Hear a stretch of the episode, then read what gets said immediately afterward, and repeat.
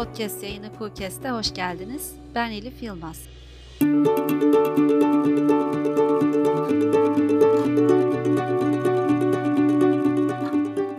Koç Üniversitesi Arkeoloji ve Sanat Tarihi bölümünden doçent doktor Rana Özbal ve aynı bölümde doktor öğrencisi olan Devrim Sönmez'le birlikteyiz. Göbekli Tepe'yi konuşacağız. Hoş geldiniz. Hoş bulduk. Bizim için yıllardır orada bir huyuk var uzakta tadında bir yerken son yıllarda özellikle UNESCO Dünya Mirası listesine girdikten sonra medyanın da ilgisinin artmasıyla Göbekli Tepe'nin memleketimizin en kıymetli yerlerinden biri olduğunu fark ettik. Ee, farkındalık yaratıldı ama hala çok da hakim değiliz aslında biz bu konuya. O nedenle uzmanlarıyla konuşalım istedik biz bu konuyu. Nedir hocam Göbekli Tepe? Neden önemli? Zamansal olarak ne ifade ediyor? Ee, teşekkürler öncelikle davetiniz için. Ee, Göbekli Tepe e, tarih öncesi döneme tarihlenen bir höyük e, ve e, anıtsal mimarisiyle meşhur. Ve şu anda gerçekten de sizin dediğiniz gibi meşhur olmaya başladı. Aslında uzun e, senelerdir bilinen ve son 20 senedir e, değil mi? 25 yıl 25 açtı, açtı değil mi? 25 senedir kazılan bir yer. E, önemli olan e, anıtsal mimari üzerindeki e, zengin sembolizm. E, her türlü hayvan tasviri var e, ve e, bu da muazzam o dönem için gerçekten e, zamansal olarak e, ne ifade ediyorsa aslında bu çok önemli bir zaman. Bizim bu neotikleşme süreci dediğimiz zamana denk geliyor. Bu da insanların yerleşik hayata geçme süreci, uzun bir süreç. Göbekli Tepe'de bu sürecin başında sayılır. Yani e, Neolitik döneme denk geldiğini söyledi e, Rana Hocam. E, bu aslında yerleşikliğe tekrar etmek e, gerekirse yerleşikliğin artık yayılmaya başladığı özellikle e, şeyin e, yakın doğumla bölgesinde ve bitkilerin ve hayvanların e, evcilleştirilmeye başlandığı bir dönem. Yani aslında bugünkü gördüğümüz e, medeniyetin sahip olduğumuz medeniyetin aslında temellerinin bir nevi evet. atıldığı döneme denk geliyor ve tam o dönemde gerçekten e, pek de başka bir yerde görülmeyen anıtsal bir mimari, zengin bir sembolizm yani e, farklı bir e, yapıda Göbektepe'de, Göbektepe. Peki bu tür yerler nasıl tarihleniyor? Çok zor çünkü binlerce yıl öncesini tabii saptayabilmek değil mi? Evet. Ve ilk olduğu söyleniyor. Evet. Şimdi tabii ki bunun öncesinde de e, yerleşimler var e, ve hani bu da bir sürecin bir parçası. Onu o şekilde görmek gerekiyor. Tarihleme için e, bu dönem için özellikle radyokarbon tarihlemesi kullanıyoruz ve buradaki radyokarbon tarihleri milattan önce 9500 ze tarihleniyor e, ve uzun bir süreç olduğu için binlerce sene e, orada iskan veya iskan demeyelim çünkü hani e, tam zamanlı bir e, yerleşik bir hayat olduğunu düşünmezsek, e, mevsimsel bir şey olduğunu düşünürsek bile hani e, binlerce, bin sene en azından bu evet. insanların evet. Yani bin yılı aşan bir süre boyunca orada aslında faaliyetler sürüyor Göbeklitepe'de. Yani çok kısa bir zamanda yapıldı ve terk edildi gibi bir durum söz konusu değil. Yani bin yılı aşıyor süreç. Bu süre içinde yeni yapılar e, inşa ediliyor. E, çökenler ya da zarar görenler, tarif olanlar onarılıyor ve işte alandaki diğer faaliyetlerde devam ediyor aslında. Radyokarbon tahlillemesine ek olarak bir de bizim relatif kronoloji dediğimiz bir yöntem var. Bu da şudur. Yani belli tipte buluntuları ya da bugünden düşünürsek belli tipte objeleri siz belli bir döneme aslında verebiliyorsunuz örneğin belli tip. Bir nesneyi düşünebiliriz. Bugün çok popüler olan bir telefon markası olabilir örneğin. Bunu 100 yıl önce göremezdik ve muhtemelen 100 yıl sonra görmeyeceğiz. Belli bir dönemi tarihleyebiliyoruz. Hı hı. Bu tip buluntular oluyor o dönem için. Ya aslında her dönem için. Evet. Bunlara bakıp çevredeki diğer yerleşmelerle karşılaştırıp aşağı yukarı hangi döneme denk geldiğini söyleyebiliyoruz biz bir yerleşmenin. Bu arkeolojinin tarihleme yöntemlerinden bir tanesi. Peki tam olarak bir tarih verebiliyor muyuz? 11 bin yıl, 12 bin yıl? Evet verebiliyoruz. Radyokarbon aslında bize e, çok e, yani kesin tarihleme diyoruz. Tabii ki onun artı eksisi var. Evet. Bu dönem içinde artı eksi 100 yıl diyebiliriz ama e, sonuçta aslında bayağı... Tabii çok iyi bir sonuç. İyi bir sonuç Yazının evet, olmadığı evet. bir dönem çünkü bu. O yüzden evet. bu hani radyokarbon tarihlemesi en önemli şeylerden biri, verilerden biri. Tam olarak hangi döneme denk geldiğini söyleyebilmemiz için. İşte Göbekli evet. Tepe içinde yaklaşık olarak günümüzden 11.500 belki 11.600 yıl e, yıl diyebiliriz. En azından oradaki faaliyetlerin şu andaki bilgimize göre başladığı zaman. Peki o dönemde bu tür yerlerin inşası nasıl mümkünmüş? Çok güzel bir soru. Yani yeterli alet edevatları var mıydı? Evet. Kimdi bu insanlar? Evet. Ee, aslında bir de e, devrim de şeyden bahsetti, e, farklı yerleşimlerden bahsetti. Bir tek Göbekli Tepe değil, bunu bir genel bir kültür olarak düşünmek gerekiyor. E, Birçok yerleşimden oluşan bir, e, hatta Göbekli Tepe kültürü kelimesini de belki duymuş olabilirsiniz. Yani birçok yerleşim yerinin beraber e, e, bir e, ritüel bir şekilde diyebiliriz. Evet, E, evet. Beraber çalıştıkları bir düzen. E, ve bu insanlar e, belli bir toplumsal düzen içinde bunu yapıyorlar belli ki. E, çünkü e, tekerlek yok, Evet. hayvan gücü de yok. E, insanların bir işbirliği, bir, bir, bir beraberliği, bir şey gerektiren bir e, durum olduğu kesin. E, tam olarak nasıl yapıldığını açıkçası bilmiyoruz. Onu da söylemek gerekiyor. E, fakat e, Göbekli Tepe için özellikle devrim de şimdi bahsedecektir.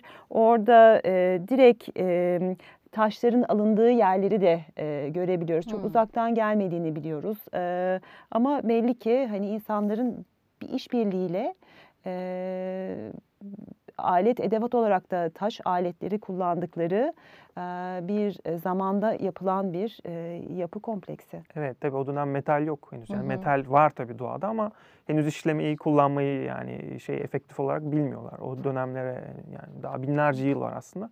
Ağırlıklı olarak da bir taş, ahşap gibi e, malzemeyi kullanarak Hmm. yapıyorlar bu e, yapıları öyle diyelim ve diğer işlerini. E, tabii e, çevredeki diğer yerleşmelerde aslında gördüğümüz yapılar tabii Göbektepe'nin de bir kısmında genelde daha basit. Aslında hani çok ciddi bir iş e, bölümü gerektirmeyen hani yoğun bir iş gücü de gerektirmeyen yapılar ama e, Göbektepe'deki o anıtsal yapılar biraz kafayı karıştırdı aslında. Evet. Çünkü ciddi bir planlama, organizasyon, e, işbirliği ve hani belki de belli bir e, sayının üstünde insanın iş gücünü gerektiriyor. Hı hı. Birlikte çalışmasını gerektiriyor. Bu hani biraz da Göbektepe'nin bu ön plana çıkmasına sebep oldu. Bu hani primitif olmayan, biraz daha gelişkin e, şeyleri gösteren, niteliklerini, nitelikleri ve iş böl- bölümünü gerektiren e, yapılar var e, Göbektepe'de. İnşasında da dediğimiz gibi yani e, şey aslında yine e, basit teknikler kullanılıyor ama tabii iş gücü ve iş bölümüyle birlikte biraz daha o seviyeyi arttırabiliyorlar. Örgütlenmiş Evet. insanlar belki de Aslında ilk defa. tabii tabii yani aslında en küçük avcı toplayıcı grupta bile bir örgüt olmak zorunda. Hani Evet. iş bölümü olur, bir örgüt olmalı e, insanlar arasında ki düzenlerini devam ettirebilsinler. Tabii onun düzeyleri aslında şu anda tabii İstanbul'a bakarsınız 16 milyon bir arada yaşıyor. Çok Evet. daha hani büyük bir örgütlenme, bir devletleri görüyoruz ama o dönem tabii o örgütlenmenin artık biraz daha belki de karmaşıklaştığı bir döneme denk geliyor. Hı hı. Çünkü daha eski yerleşmeler her zaman daha ufak. Yani gruplar daha çok işte 50 kişi belki maksimum 100 Hı hı, kişi olarak düşünülüyorken o dönemle birlikte aslında bu sayılar da biraz artmaya başlıyor. Evet. Ee, Yerleşim içinde yaşayan insan sayısı özellikle. Şimdi Anadolu arkeolojik olarak çok zengin bir bölge. Evet. Ee, hatta bu zenginlik bütün dünyadan birçok kazı ekibini de Anadolu'ya çekiyor.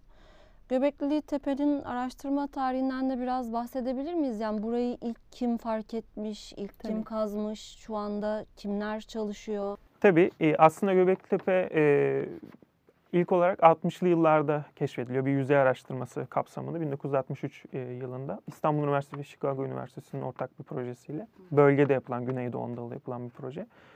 Ve e, bu keşif e, 1980 yılına kadar yayın, yayınlanmıyor. 1980 yılında o survey yani o yüzey araştırması projesinde keşfedilen diğer yerlerle birlikte Göbektepe'de bilim dünyasına tanıtılıyor. Böyle bir yer var şeklinde. Oradaki taş aletlere dayanarak buranın bir tarih öncesi yerleşme olduğu söyleniyor. Daha sonra e, 1994 senesinde rahmetli Klaus Schmidt e, ziyaret ediyor alanı.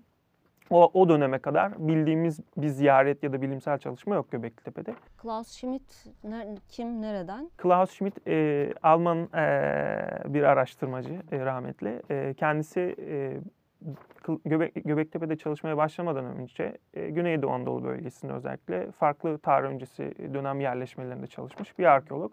O dönemde doktorasını yeni e, tamamlamış bir araştırmacı. E, araştırmak için bir yer arıyor ve bu yüzey araştırmasının sonuçlarını incelerken Göbektepe'yi görüyor ve orayı ziyaret ediyor. O anda da aslında e, alanın e, önemini fark ediyor ilk ziyaretinde 94'te ve sonraki yılda çalışmalara başlıyor. Şanlıurfa Arkeoloji Müzesi'nin de desteğiyle ve izniyle. e, ilerleyen yıllarda da aslında o dönem kendi başına e, yürütemiyor tabii çalışmayı. E, hocası Hı hı. e, Harald Hauptmann var. E, Alman rahmetli. E, geçtiğimiz yıl kaybettik.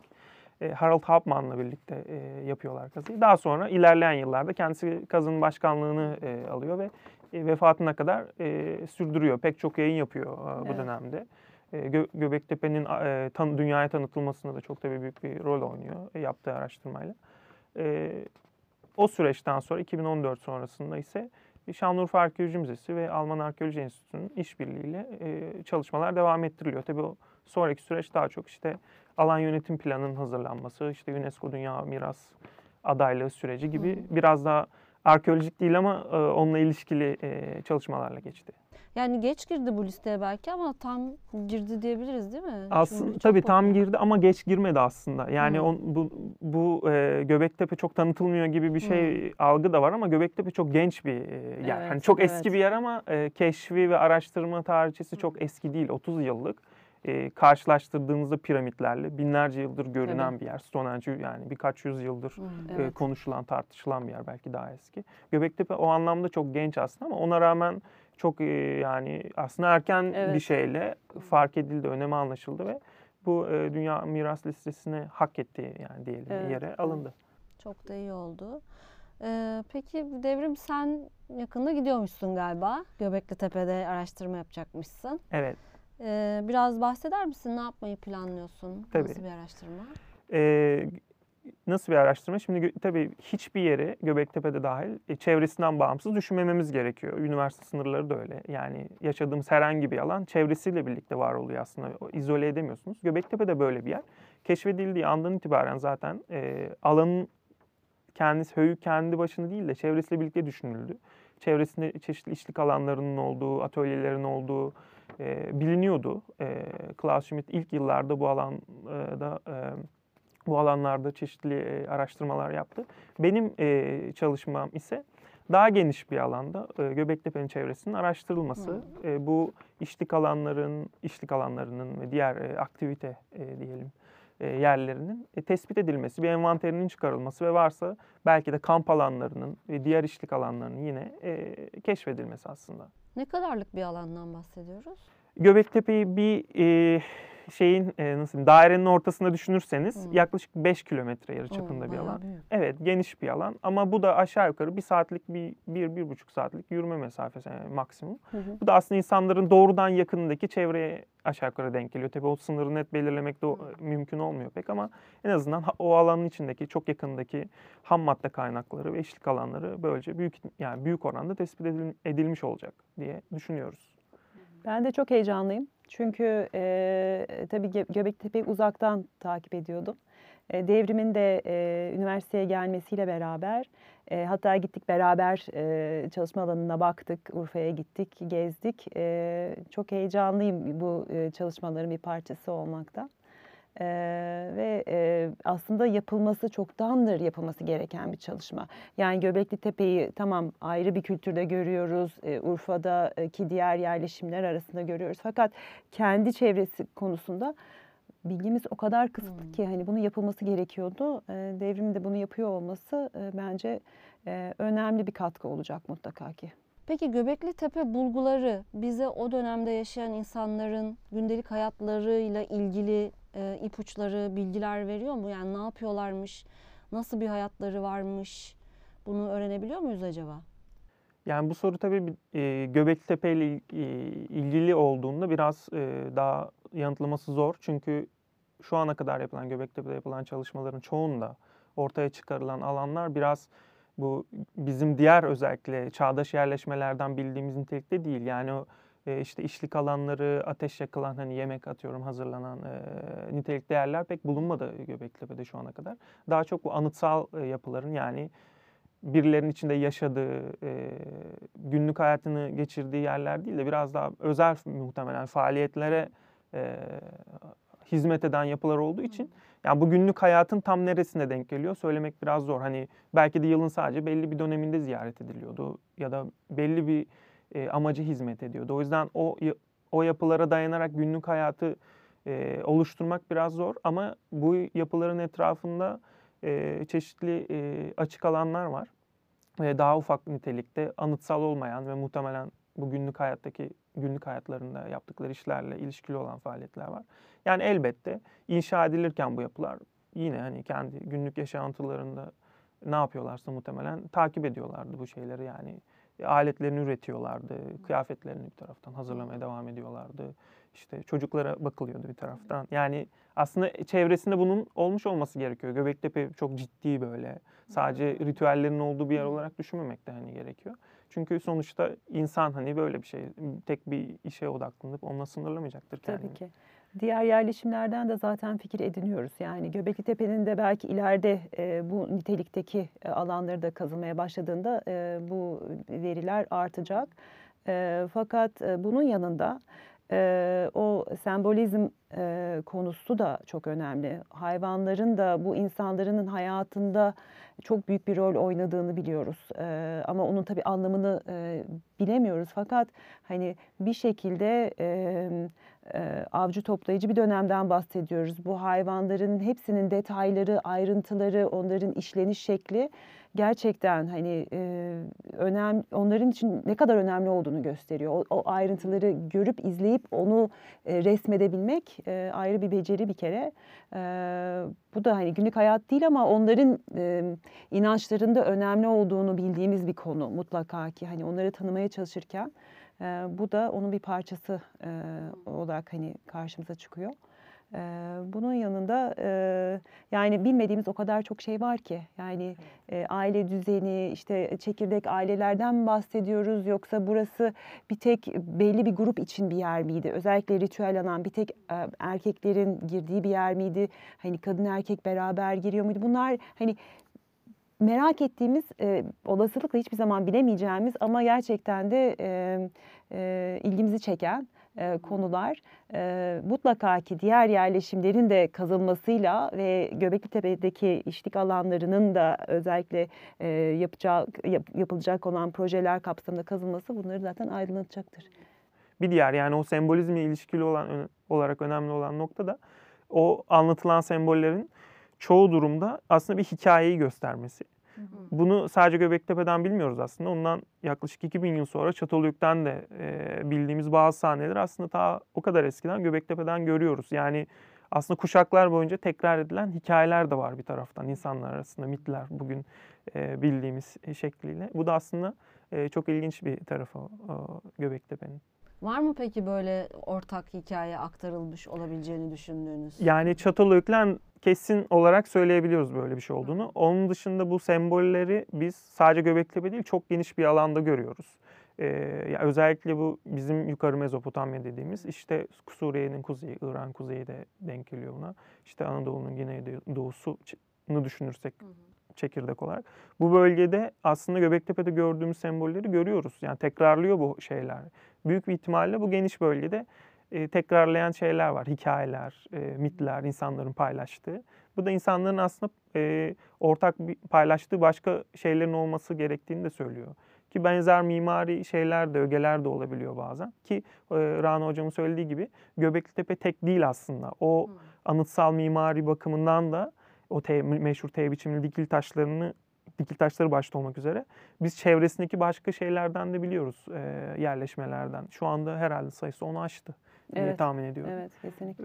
E, birkaç tanesi daha kazılmaya başlandı son bir iki yıl içinde. Yani o resim giderek e, şey olmaya başlıyor, e, genişlemeye başlıyor zaman iç, içerisinde. Genişlemeye ve netleşmeye. Evet. Evet.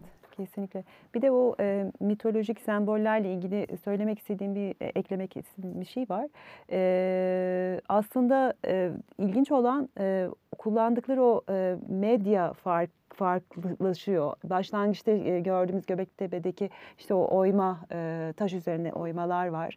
Çatalhöyük'te boyamalar var. Daha sonra aynı bu boğa başları gibi motifleri çanak çömlekler üzerinde boyalı şekilde görüyoruz. Yani binlerce sene devam eden e, fakat mitolojik e,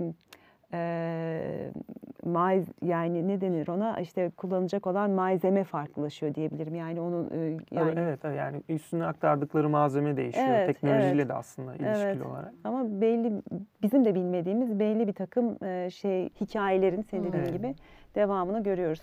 Mesele aynı ama ya aslında günümüzde de öyle değil mi? Tabii, yani- Biz de aynı Mutlaka. şeyden Tabii, tabii, tabii, bahsediyoruz tabii, tabii, ama evet, evet. gibi farklı medyalar, farklı mecralar, evet, farklı evet. enstrümanlar. Aynen. İşte e, yani kutsal kitaplardan bildiğimiz hikayelerin mesela Sümer'de çıkmıştı Evet, kökeni. evet, evet. Çok daha bir anda yüzlerce yıl. Tabii. Yani geriye hı. gitti o hikayeler. Tekrarlanmış sürekli aynı dönemde. Hala tekrarlıyoruz Hı. zaten. Hı hı, hı hı. O şeyleri, hikayeleri aradan 5000 yıl geçmesine rağmen. Evet. Yani ilginç. Çok teşekkürler. Bugün Koç Üniversitesi'nden Rana Özbal ve Devrim Sönmez'le birlikteydik. Göbekli Tepe'yi konuştuk. Bir sonraki yayınımızda görüşmek üzere. Hoşçakalın.